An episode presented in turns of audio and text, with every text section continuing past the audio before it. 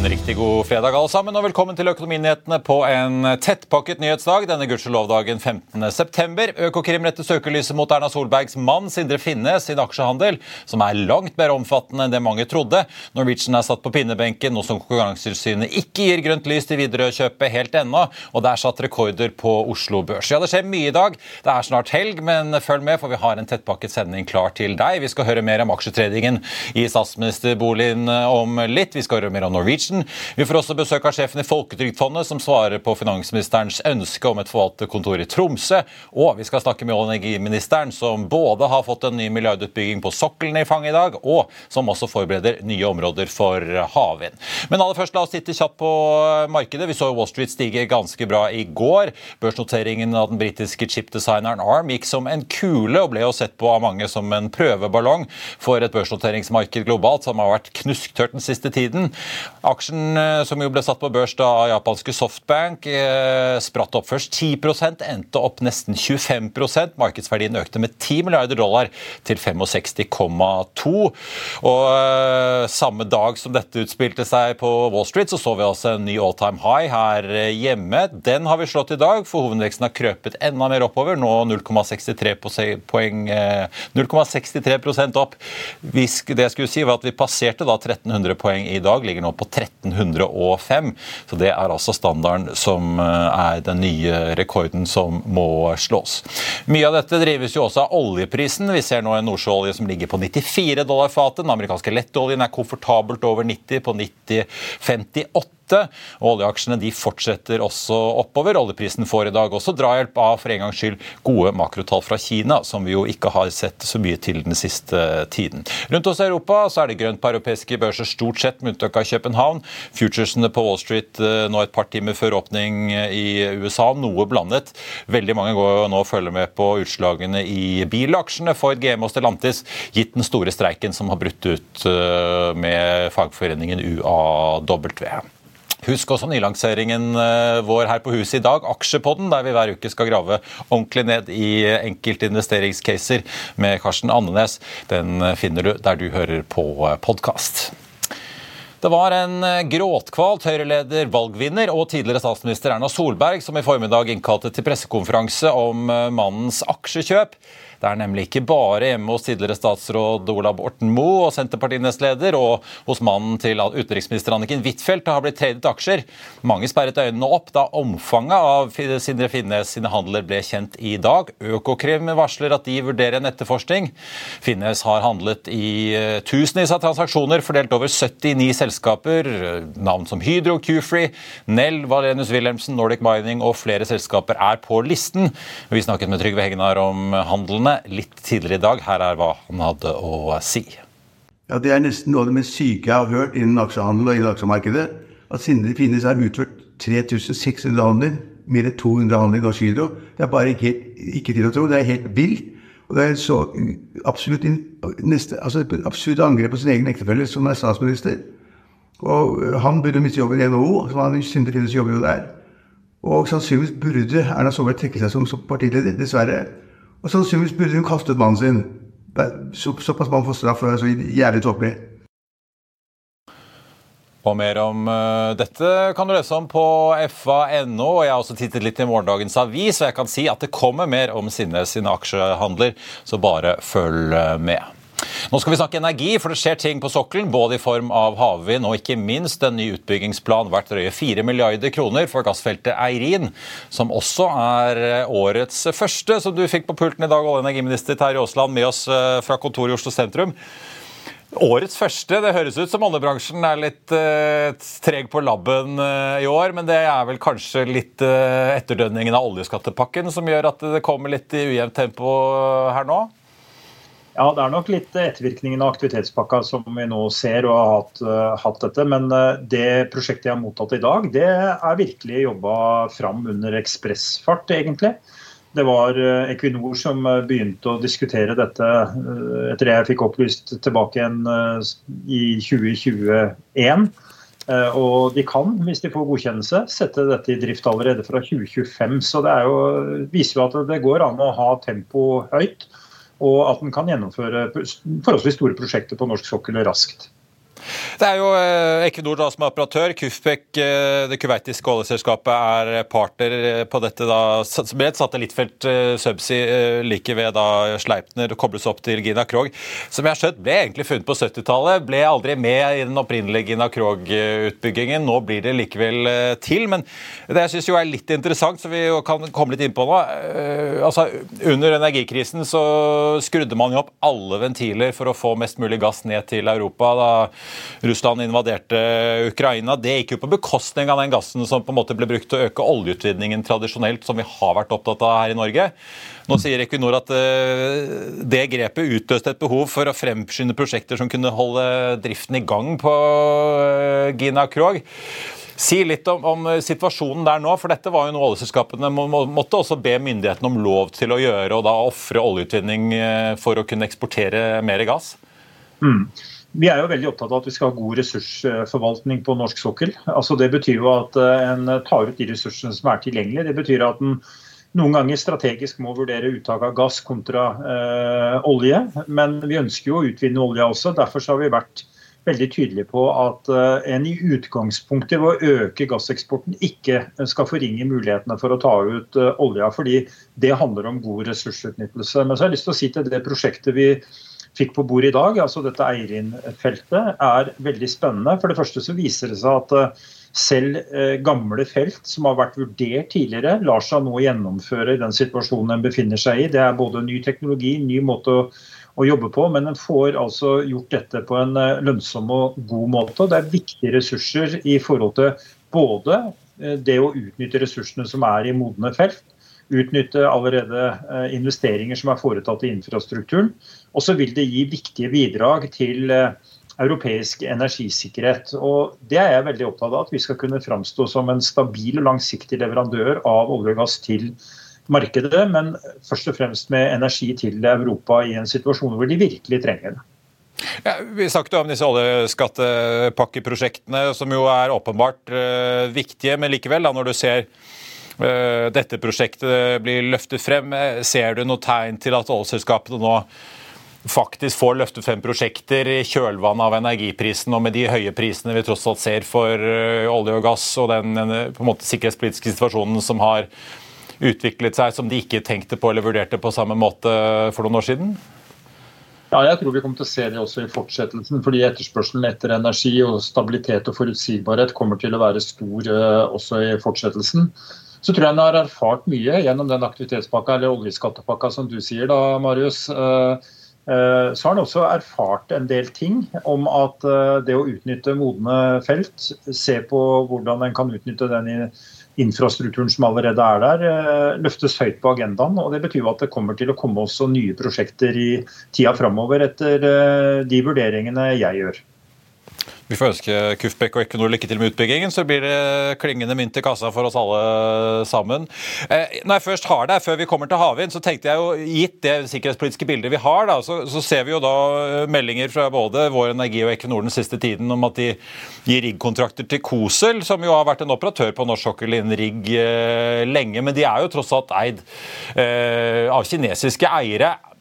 Har du noen synspunkter på det, gitt den situasjonen vi har fått og den tilstrammingen vi ser mellom Nato, USA og Kina, og da med Russland oppi det hele? Stilles det spørsmål ved at en kinesisk aktør får holde på på norsk sokkel? Altså, vi er veldig opptatt av at vi skal ha et godt sikringsarbeid på norsk sokkel. Det skal være trygt å jobbe på norsk sokkel, og vi skal ha en trygg forvaltning av de ressursene som er der. Og Derfor har vi et veldig strengt eh, system for uh, godkjennelse av de som eh, driver eh, aktivitet på norsk sokkel. Eh, når det gjelder disse enkeltsakene, så kan jeg ikke kommentere de særskilt. Men når det gjelder både lisenstildelinger, letelisenser osv., så, videre, så er det veldig strenge rammer, nøye vurderinger av hvem som kan operere på norsk sokkel. Du, La oss uh, snakke litt om uh, havvind. fordi at uh, Det skjer jo veldig mye. Veldig mange går og venter på da Utsira nord og Sørlig Nordsjø 2, som er de områdene som, som ligger først i rekken. Og Så jobber dere også med hva som kan komme etterpå. men jeg tenker litt bare, Skal vi begynne med det aller første som står i rekka, nemlig Utsira nord og Sørlig Nordsjø 2. Eh, så vidt jeg skjønner, så jobbes det nå med disse differansekontraktene som kanskje dere offentliggjør nå enten rett før eller rett etter helgen for eh, hva slags rammevilkår man kan regne med på Sørlig Nordsjø. Har du noe nytt å komme med der, eller når kan selskapene som skal by forvente å få noe her? Altså, vi kommer til å sende disse ut uh, nå uh, veldig snart. Jeg sa i går når vi hadde samarbeidsforum for havvind, så sa jeg at det ble sendt ut i tilknytning til helga. og Det jobber vi ekstremt for å klare. Vi skal ha ut disse kriteriene i løpet av de nærmeste dagene. Og Da er liksom grunnlaget klart. Vi er veldig opptatt av at vi skal gjennomføre det vi har sagt at vi skal gjennomføre når det gjelder havvindutbygginga vår. Derfor eh, ble det foretatt justeringer i si, rammebetingelsene når vi behandla eh, dette i Stortinget, fordi det skjedde ting underveis eh, fra de tallene vi fikk til første gang til, til, til saken ble behandla i Stortinget. Og Det er en kostnadsøkning som gir grunn til bekymring nå, men jeg mener at nå har vi lagt et fundament og kommer til å legge et fundament med de siste si, kriteriene på plass for differansekontraktene, som gjør at eh, de konsortiene som er engasjert knytta til norsk sokkel og havvindutbygging, kan eh, levere sine prosjekter. Men er det sånn at uh, dere kan, for å få denne havvindutbyggingen til, måtte hoste opp enda mer enn de 23 milliardene som er skissert i den da allerede økte rammen. Vi så jo nylig på britisk sokkel hvordan britene de fikk inn bud på både sol og vind på land, men de fikk ikke inn en e, et eneste bud på, på havvind i deres nye og Det ble pekt på at rett og slett eh, støttenivået var for lavt for at noen aktører var interessert. Eh, selvfølgelig, som du sier, pga. økte kostnader. Eh, er du bekymret for at denne utbyggingen kan bli mye mindre enn det man har håpet på? Altså Nå har vi både inflasjonsjustert og tatt nye vurderinger knytta til de kostnadene som vi hadde da ved inngangen til denne sommeren. Eh, så jeg går ut fra at, eh, og regner med at nå er det opp, industrien vil levere eh, prosjekter og, og, delta i konkurransen. Jeg mener det nå er opp til industrien, og nå må vi vise at den type eh, store industrielle prosjekt den klarer vi å gjennomføre på norsk sokkel. Eh, både på, med, med, godt utgangspunkt i kostnadsbildet, men også at en eh, klarer å gjøre det på en god måte når det gjelder gjennomføringsevnen, som jo er et av de kriteriene som blir vektlagt veldig når, når vi vurderer konkurransen. Så er det da til slutt, Jeg må jo innom da disse nye eh, områdene. Kan du si litt om hva næringen eh, kan vente seg nå? Et av disse områdene som dere ser på, så vidt jeg skjønner, er jo da omfatter det som egentlig Equinor så for seg at de skulle bygge Trollvind på uten subsidier. Det prosjektet klarer de ikke å regne hjem og har lagt i skuffen. Er det sånn at det nå kommer støtte inn for å få bygget ut eh, vind i Trollvindområdet og også andre? Og hvor store er disse områdene sammenlignet med det dere tar ut nå i runde én? Altså, det vi nå har gjort og jobba intenst med, det er å klargjøre areal for eh, ytterligere utlysninger, sånn at vi kan eh, realisere den gigantiske planen vi har om å bygge ut 30 000 megawatt på, på norsk sokkel eh, fram mot 2040. Eh, de, det arbeidet som har vært gjort, viser jo at både i Sørlige Nordsjøen og 2 og, og Utsira nord så er det potensialet til merutbygginger enn det som ligger i første runde.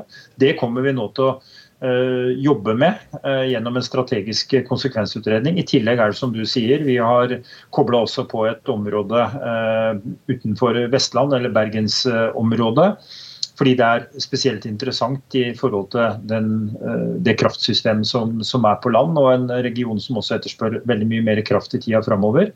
Eh, pluss at det er et område vi kjenner veldig mye til pga. leteaktiviteten. Så de eh, strategiske konsekvensutredningene av Sørlige Nordsjøen 2, utvida området der, Utsira nord og dette utafor Vestland, får jeg ferdigstilt uh, forholdsvis raskt denne strategiske konsekvensutredningen på. og Da tar vi uh, i gang med arbeidet for å lyse ut uh, disse områdene.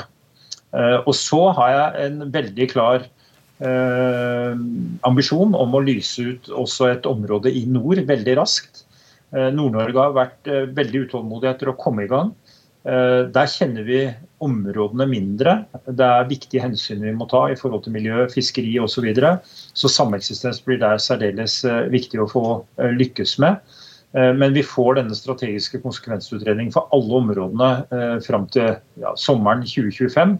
Jeg vil da starte umiddelbart med fokus på å få fram et område eller flere som kan lyses ut i nord. Og da snakker du Nordland, Helgelandskysten, Finnmark, eller? Da snakker vi om både Helgelandskysten og Finnmark, med utgangspunkt i, i det som er aktuelt og har avtegna seg gjennom denne direktoratsgruppa som har jobba fram uh, ulike areal som kan være aktuelle for havvindutbygging i, i Norge. Terje Aasland, oljeminister, tusen takk for at du var eh, med oss. Så skal vi følge med til uken for eh, vilkårene i differansekontraktene, som det så fint eh, heter. I morges så kom Konkurransetilsynet med meldinger om at det ikke blir noe grønt lys for Norwegians oppkjøp av Widerøe til 1,25 milliarder ennå. Tilsynet trenger mer tid. og Norwegian-aksjen var ned 2,5 på det meste i dag. Nå har vi snudd og ligger pluss nesten en halv prosent. En av de tingene som kan være i spill for at tilsynet skal si ja, er bakketjenestene til de to flyselskapene selskapene. Vi snakket med tilsynets eh, Gjermund Nese i Børsmorgen, som da må komme med en ny oppdatering innen 17.11. Her er noe av det han sa i morges. Har innsjekk og bagasjehåndtering selskapene til både Norwegian og Widerøe en påvirkning her også, eller? Ja, helt riktig. Du, du er inne på en, en potensiell eh, virkning av dette oppkjøpet, som òg er en del av de vurderingene våre. Det som eh, da kalles gjerne for vertikale virkninger. Altså at, at det kan ha påvirke disse hva heter det, bak, bakketjenestene, bakketjenestene på ulike, ja. ulike, flyplasser. Så Det, det er òg noe vi, vi, ser på i, i saken, om det kan være noen grunn til bekymring der. Ja, for jeg skulle til si, Man trenger ikke være redd for måte, konkurransen Oslo-London. fordi Hvis ingen norske flyr til London, så kommer det garantert noen briter og flyr inn til Oslo. Men det dere da er inne på, er jo får disse da britene eller europeerne som skal fly inn uh, like eller greie vilkår for å da lande i Norge og få håndtert bagasje og passasjerer ut av flyene sine? Ja, f.eks. Det kan være en, en, problemstilling som kan være, være grunn til å, å, se nærmere på og, og, vurdere om det er et problem eller ikke. Mm. Men kan vi da ende i en situasjon hvor vi får en strukturendring i luftfarten fordi dere krever at de er nødt til å skille bakketjenester fra flydriften på en eller annen måte, eller nettopp for å sikre at uh, på alle flyplasser så kan andre aktører få lik tilgang? Ja, altså I teorien så kan du jo uh, havne i en sånn situasjon, men uh, samtidig så er det veldig, som sagt, veldig tidlig å, si at det blir mye å spekulere i hva som kan bli det endelige utfallet her. Men, uh, men i teorien så kan kan bekymringer knyttet til f.eks. bakketjenester i denne saken her ha noe å si for det endelige utfallet av saken. Det kan det ha. Nå skal vi snakke om en av eh, finansminister Trygve Slagsvold Vedums drømmer som kan bli en realitet. Statsråden og Senterpartilederen har nemlig ønsket seg at eh, Folketrygdfondet, eller SPN som det også heter, skal etablere seg i Tromsø for å utvide det norske forvaltermiljøet. Og i dag kom fondet med sin egen anbefaling, og dere sier jo ja med et eh, men, kanskje, Kjetil Haug, administrerende direktør i Folketrygdfondet? Fortell, hva er det dere, dere nå anbefaler å, å gjøre? Ja, Vi har vel egentlig sagt ja, ikke det? Altså, vi, vi, har jo fått et oppdrag fra Finansdepartementet om å se på en mulig løsning for å etablere en statlig kapitalforvalter i Tromsø. Eh, og da i regi av oss, da, slik at Folketrygdfondet skal være forvalteren, eh, men at de skal ha en eh, form for operasjon i Tromsø. Så når vi har gått løs på den oppgaven, så har vi jo tenkt eh, hvordan kan vi med utgangspunkt i den kompetansen og det vi er i dag, lykkes med å etablere en sånn type enhet. Så Det har vært bakgrunnen for det svaret vi har gitt i dag. Og Vi ser jo for oss at vi må spille på de tingene vi er gode til, og det er å forvalte i noterte markeder. Så Det har vært utgangspunktet for den besvarelsen vi har gitt. Eh, og sånn sett så tenker jeg vi svarer ja på spørsmålet. Vi kommer med et, eh, det jeg mener er et veldig godt forslag til hvordan dette kan bli en suksess.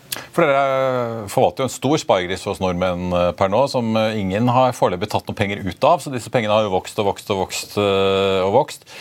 Dere holder dere primært i norske noterte papirer, som du sier. Dere er store på Oslo Børs. Dere har også et mandat ute i Norden. Nå sier dere at det er da noterte nordiske aksjer utenfor referanseindeksen som dere ser for dere at dette Tromsø-kontoret kan eh, forvalte. Hva, hva, slags aksjer snakker vi egentlig da om? Er det sjiktet under ikke, ikke men altså Hensom Maurits, Eriksson, de store svenske aksjene som er mest likvide? Ja, altså det vi har tenkt er at eh, vi, som du sier, Folketrygdfondet forvalter jo SPN i dag, som er da den nordiske delen av eh, Statens pensjonsfond. Det, den heter egentlig Statens pensjonsfond Norge, mm. men vi har jo også nordiske aksjer i den, som du vet. Eh, I tillegg så forvalter vi jo Statens obligasjonsfond, så vi har jo egentlig to fond per i dag. Og Tanken her er å opprette et tredje fond som eh, kan supplere det, det, som i dag er i Statens pensjonsfond, men som ikke nødvendigvis skal være en del av Statens pensjonsfond. Så det vi har tenkt er at Her kan vi utnytte det vi kan noe om, nemlig nordiske aksjer. Og så kan vi se på er det instrumenter som vi ikke investerer i per i dag i SPN, og som kan eh, være mulig for dette nye fondet å investere i. Og Da har vi tenkt at vi tar utgangspunkt i alt som finnes av børsnoterte nordiske aksjer, og så tar vi bort det som allerede er i, i referanseindeksen til SPN. Og Da sitter vi igjen med faktisk ganske mange selskaper. Eh, og vi har skrelt det ned til eh, det vi mener er et investerbart univers. For da har vi også justert for at det må være en viss størrelse på selskapet, en viss likviditet osv. Ja, for du kan ikke agere helt som en privat uh, småinvestor? Nei, det kan Nei. du ikke. Vi har store penger å forvalte, så da, vi må tenke institusjonelt på det. Og da er, er vi faktisk oppe i 478 eh, selskaper som vi har identifisert som mulig å investere i, som i dag ikke er i SPN, men som er i det nordiske børsnoterte universet. Ja. Og Det er betydelig størrelse. Det er 1800 eh, milliarder kroner i market cap som vi snakker om da. Ja, fordi altså, dere, jo, dere, påpeker jo selv at dette er jo tradisjonelt selskaper med mindre markedsverdi, som, som, det ikke har vært aktuelt for dere per i dag å investere i. Det vil i liten grad endret risikoegenskapene til fondene, medført høyere kostnader i forvaltningen. Blir dette da på en måte, ja, man setter i gang noe i Tromsø, men det blir eh, relativt kostbart for det man får igjen, eller? Ja, Vi ønsker å tilby et forvaltningsprodukt som er kostnadseffektivt. Så måten vi har tenkt på her i forbindelse med Tromsø, er at hvordan kan vi gjøre dette på en måte som står seg, eh, som gjør det attraktivt å jobbe med dette, eh, og som gir mening for eh, samfunnet for øvrig. Vi må kunne levere et godt produkt som gir høy avkastning og fornuftige kostnader. Og Da tenker vi at vi skal for dette fondet eh, tenke mest mulig stordriftsfordeler og også bruk av teknologi, slik at vi kan få ned kostnadene mest mulig i forvaltningen. Så det blir et litt annet type produkt enn det vi leverer for SPN i dag. Eh, I og med at også størrelsen på dette fondet eh, nødvendigvis må være noe mindre enn det som er på SPN. Så, så du snakker ikke 100-milliardersklassen? Nei, det er det ikke plass til i dette universet. Da, da Noen titalls milliarder potensielt? Ja, det vi har regnet på. Vi har regnet på litt ulike størrelser, men, eh, og det vil ta tid å bygge opp. Ja, det, Hvis du sier over 1000 milliarder og noen prosent av det, da er det jo på noen titalls Ja, så vi har regnet fort, på, på 10, fra 10 til 30 milliarder kroner i dette universet er fullt mulig å implementere i en eh, fornuftig tidshorisont, og da med en relativt kostnadseffektiv forvaltning. Det er det som er målet vårt å få til. Eh, for Nord-Norge vil jo sikkert dette være kjempebra. Dere kan være med å bygge opp et eh, miljø der. Dere snakker om fem til åtte personer. For det er vel ikke et veldig stort finansmiljø i Tromsø per i dag? Nei, og det, det, er vi åpne om. Vi har jo selvfølgelig eh, snakket med mennesker og, og, prøvd å kartlegge dette. Men det er jo, Tromsø har et veldig begrenset uh, finansielt uh, miljø i dag. I hvert fall på dette nivået med, med institusjonell kapitalforvaltning. Det er, det, er ikke, det er, ikke, null, men det er, det er jo ikke et stort miljø, ikke, det er ikke et bredt miljø å bygge på. Så vi ser for oss at uh, for å bygge opp et, uh, en organisasjon, så må vi bruke tid. Og vi må også lokke mennesker til Tromsø uh, ved å tilby veldig et spennende oppdrag og, og en, en, spennende organisasjon å jobbe i. Så dette må vi bruke litt tid på å bygge opp. Så tror jeg vi sier vel litt mer, da vi sier vel 8-15 kanskje, ansatte over tid, over tid ja, ja. Som, som, et mulig, mulig likevekt på lang sikt. Men det er veldig usikkert estimat, og det er helt avhengig av hvordan dette utvikler seg. Men tror dere at dette kan tiltrekke seg flere hvis dere etablerer dere, eller er det helt umulig å si? Eh, det er jo veldig spekulativt. Men, hvis jeg tar på meg eh, brillene som på en måte samfunnsinvestoren her, altså, klarer man faktisk da å bygge opp noe hvis man velger å gjøre dette her? Ja, vi, må jo, vi må jo sørge for at vi etablerer noe som kan være varig, og som ikke er borte eh, på kort sikt. Altså, det, må, det må kunne ha en egenverdi å stå på egne ben. Og da må vi ha en viss minimumsstørrelse på den bemanningen der oppe. Og så tror jeg også at det er viktig at dette miljøet blir såpass bra faglig sett at det også kan gi oss noen positive synergier inn til det fondet vi allerede forvalter fra Oslo. Så det er jo målet at dette skal bli noe som vi også kan trekke nytte av i hele organisasjonen vår. Kan, kan, dette på noen måte gå på bekostning av butikken dere har hvis jeg kan kalle det, hjemme i Oslo? da? Ja, øh, Vi har sett på at det kan jo oppstå situasjoner hvor begge fondene er interessert i den, de samme aktiva, samme aksjene.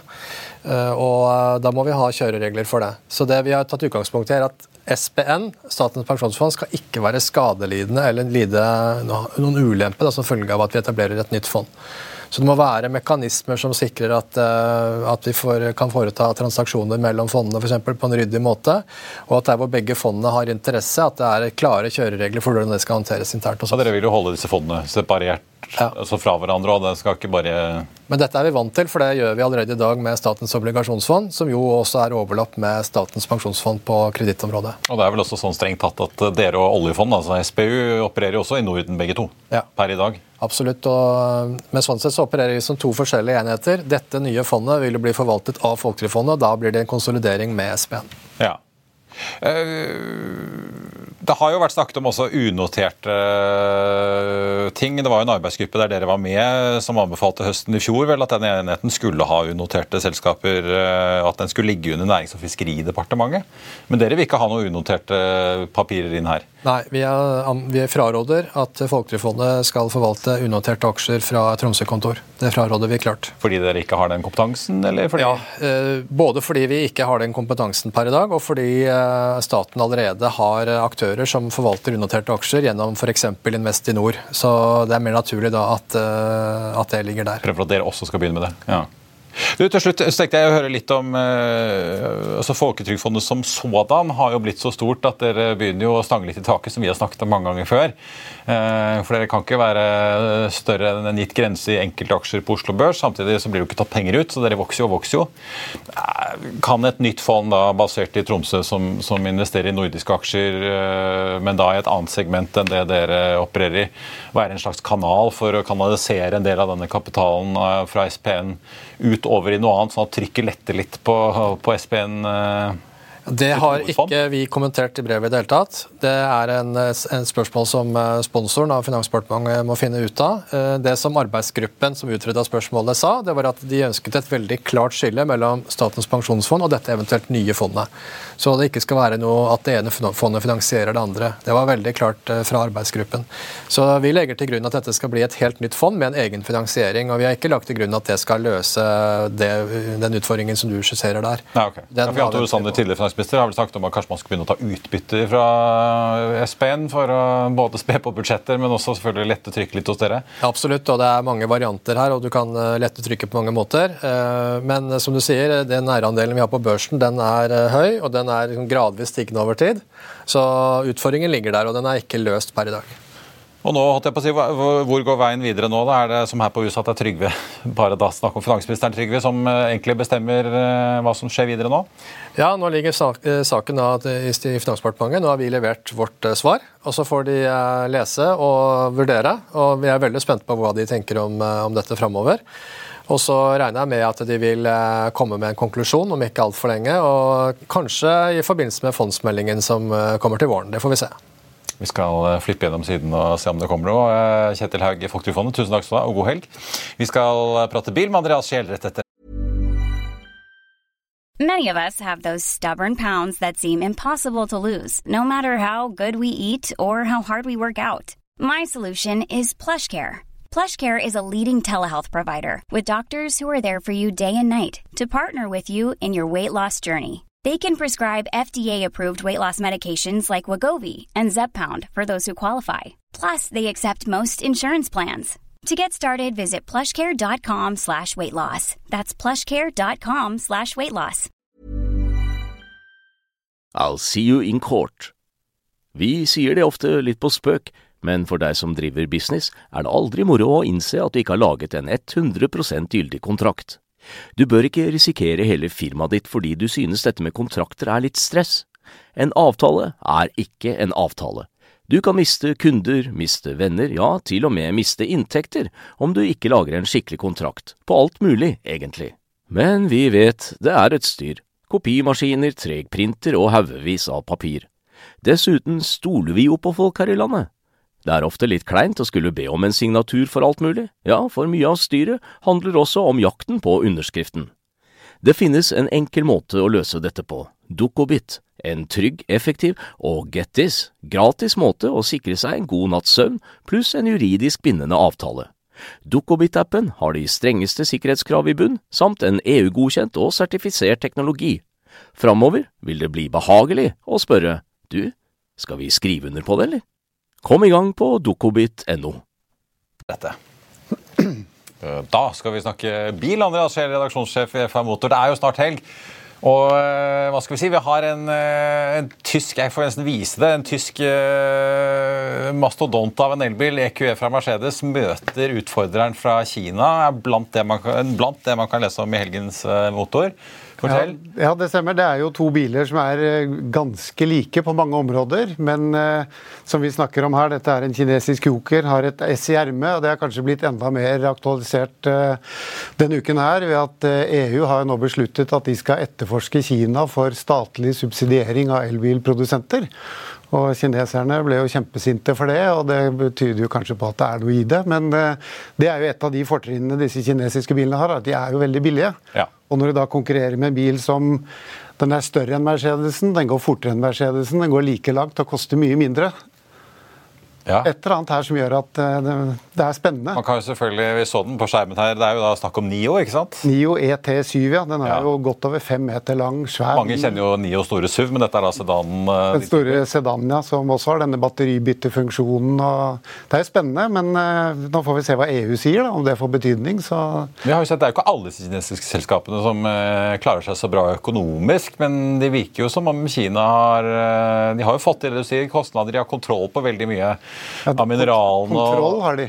over det man trenger for å faktisk bygge disse elbilene. Altså, det er jo som du sier, det er jo ikke bare EU-kommisjonen, men europeisk bilindustri er jo mange bekymret over eh, inntoget fra Kina, inkludert Stellantis-sjefen, eh, har jeg sett. Ja da, og dette med batteriproduksjon også. Selv om vi skal lage batterier i Norge og overalt, så er det kineserne som lager de fortsatt. Og det sliter jo mange av disse europeiske produsentene med å få tak i. Så det er en eh, spennende utvikling. Så hvordan dette går, det får vi jo se. Kinesiske elbiler var jo oppe i 10 markedsandel i fjor. Nå er den jo under halvparten. Men det skyldes vel at Tesla har tatt alt. Så ja det skjer mye der. Så Spørs, spørs vel hvor man teller Volvo og Polestar, om det går inn under svensk eller kinesisk. Ja, ikke sant. Ja. Også, for de kommer jo da i tillegg, så Men du, eh, en annen bil dere skriver om eh, som også er elektrisk, og eh, får jeg si voldsom, i hvert fall kraftmessig, kan jeg vel forvente er Lamborghinis nye elbil? Ja, de har kommet med en, det er vel foreløpig en konseptbil, men de sier at den kommer til å være ganske lik den elbilen som kommer i 2028. Og det er jo en elbil som skal ha 1340 hestekrefter, og vil vel på vanlig vis ikke skuffe som en Lamborghini, men her kommer vel også prisen til å være deretter. Men det er nok noe å glede seg til der òg. Hva vet vi? Vi ser jo, kan vi få den opp på skjermen her. Den er jo blå, ligner jo litt på en sånn Urus eh, Det gjør den, den der, men den er jo Kupé-versjonen av en Urus-SUV, kanskje? Nemlig lavere todørs og i det hele tatt eh, svære hjul. og Den ser jo tøff ut, så det blir spennende å se. Men denne har du lovet skal komme i 2028. Så Ja. nå kommer jo Revuelto plug-in-hybriden nå først, med V12 og 1000 hestekrefter. Skal, er det den du skal ned og prøve? Jeg hører rykter om at du skal ned og Ja, prøve noe gromt i Italia snart. I oktober er det, så vi får se om ikke den bilen også har litt å by på. Det blir nok en liten test i FA Motor. i hvert fall. Men det jeg tenkte å si var at eh, Lamborghini er jo en del av Volkswagen Audi-konsernet, hvor det jo er i gang. Som også er Porsche. Porsche er jo i gang med en elektrisk Macan. De har jo Taycan på veien allerede. Ja, de har jo er i gang med teknologien elektrisk A6. Er Som det- også går på dette med at de har jo veldig bra ladeeffekt, de har mye god teknologi. Mens dette med så mange hestekrefter er det jo Lamborghini som skal føre an i, da, foran Porsche og Derfor de holder på alene, men, men blir dette basert på nye Macan, eller vet, vet vi noe om det? eller? Nei, jeg er ikke sikker på hvilken plattform dette er. om hvor, hvor De utvikler nye plattformer hele tiden, men de har vel egentlig to sånne f- elplattformer i dag. så De bruker vel i utgangspunktet en av de. Men altså, det er jo ikke en gitt plattform. Det er jo noe man Mm. Det er bygger på. Nemlig. Ja, på alle mulige måter. bransjen. Eh, veldig bra. Eh, så tenkte jeg, Vi må nesten ta et lite bilde som kom på skjermen her i sted. av en, eh, Det er vel egentlig en kabriolet, men som eh, kan stikke av med tittelen som verdens dyreste bil? Ja, det er en roadster som eh, Rolls-Royce har bestemt, eller antagelig på, etter påtrykk fra kunder, om at de skal lage fire biler av denne spesielle Droptail eh, Rose Noir, som er en bil som er laget på en helt egen ny plattform, med, ikke basert på noe tidligere. Den har den V12-motoren, og det er et kunstverk i altså 3000 tredeler som er brukt to år på å lime sammen i displayene for å få dette riktig. Det er en spesiallaget Audemars Piquet-klokke i dashbordet som du kan ta av og sette på armen. Det, er, altså her, det bare viser at det er ingen grenser hvis du har lyst til å kjøpe noe dyrt og fint og eksklusivt. Og de anslår prisen til 250-270 270 millioner Ja. kroner. Så så jeg skulle til å si, Du må nesten være medlem av OPEC for å ha råd til noe sånt. Ja, omtrent. Men det er klart, har du en yacht eller to, et fly eller to, så er dette kanskje ikke det som gjør det største innhugget likevel. Men det finnes mennesker som skal ha det sånt, og da er det bare å ringe. Du blir nok kongen, kongen i havn i Monaco hvis du seiler inn med den på dekket, tenker jeg. En av de fire, for det skal lages fire, fire stykker. Ja, Du får håpe at ikke nabobåtene får tak i samme. Andreas Kjell, eh, tusen takk skal du ha. Riktig god helg. FA. Motor kommer altså på døgnmåten din i morgen hvis du er eh, abonnent. Helt på tampen så tenkte jeg bare å nevne eh, hovedindeksen som er oppe en halv prosent nå. Der satte vi enda en rekord på Oslo Børs i dag. 1303 poeng ligger vi på nå. Så da har det blitt riktig så hyggelig. Med en oljepris som er eh, nå noen cent under 94, men likevel på veldig høye nivåer. Vi har sett den tikke oppover utover uken. Eh, På Wall Street så er futuresene litt blandet. Ser som Nasdaq kanskje startes forsiktig ned, mens SMP 500 går eh, oppover fra start. Mange holder jo et eh, vaktsomt blikk på eiendom nå med stigende renter. Arctic Securities klarte i tolvte time i går kveld å redde sitt eget prosjekt i form av selskapet de har etablert, da, som eier Equinor-bygget med en gruppe investorer. I går kveld kom meldingen altså om at en ikke-navngitt långiver stiller med 475 millioner i friske penger til å dekke et eksisterende lån på 360 millioner, og også sikkerhet på 90,5 millioner for et annet lån. Mer om dette prosjektet som så mange har fulgt med på, gitt all uroen og press i næringseiendom. Det kan du lese om på fa.no. Ellers er Norwegian opp nå 0,2% var jo ned tidligere i dag etter får vi si, bremsemeldingen fra Konkurransetilsynet om at de ikke får kjøpe Widerøe helt ennå. Tomra utmerker seg med en oppgang på rundt 5% i dag, etter at Polens regjering har lagt frem en lov om å innføre en panteordning der fra 1.1.2025. Vi ser også at Telenor og Crayon har eh, steget etter nye analytikeranbefalinger på de to eh, aksjene. I Finansavisen i morgen så kan du i tillegg til Trygves eh, leder lese, om, eh, lese mer om tradingen til Sindre Finnes. Du kan lese om gründerne som mener de sitter på sjøens svar på Tesla. Du kan lese om hotellkongen i Loen som har investert 850 millioner i lokalbygden. Og så kan du lese om Volkswagen-sjefen som har vært på Norges besøk, samt da masse annet bil, vin og helgestoff. Det var det vi hadde for deg på denne svært så hendelsesrike fredag 15. sep- september. Tusen takk for at eh, du har fulgt oss så langt. Jeg håper du har hatt en fin uke, og at vi ses igjen da på mandag med Børsmorgen 08.55. Siste nytt det får du som alltid på fa.no. Vi har med oss Jan Petter Skiste bl.a. på mandag, så det er bare å følge med. Før den tid så ønsker alle vi her i Hegna Media deg en riktig god helg. Takk for nå.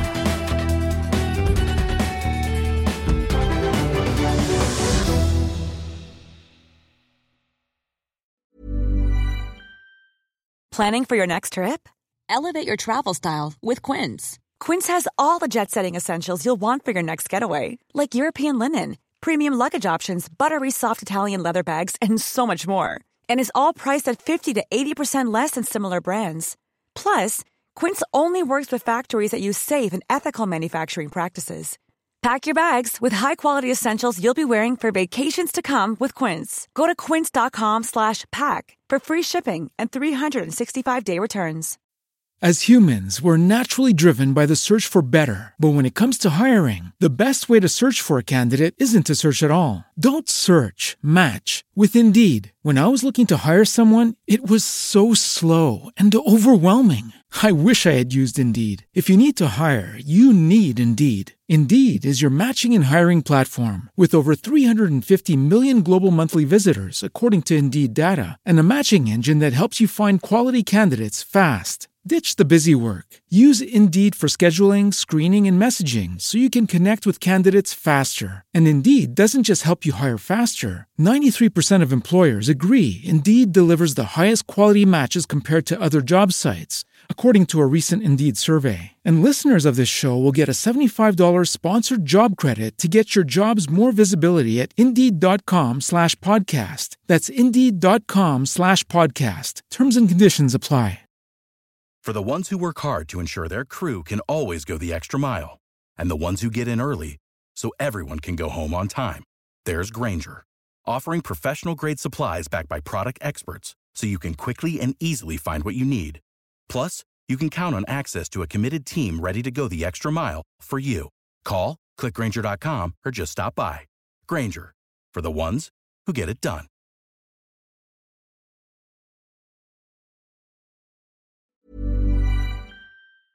Økonominyhetene er en podkast fra Finansavisen. Programledere er Marius Lorentzen, Stein Ove Haugen og Benedikte Storm Bamvik.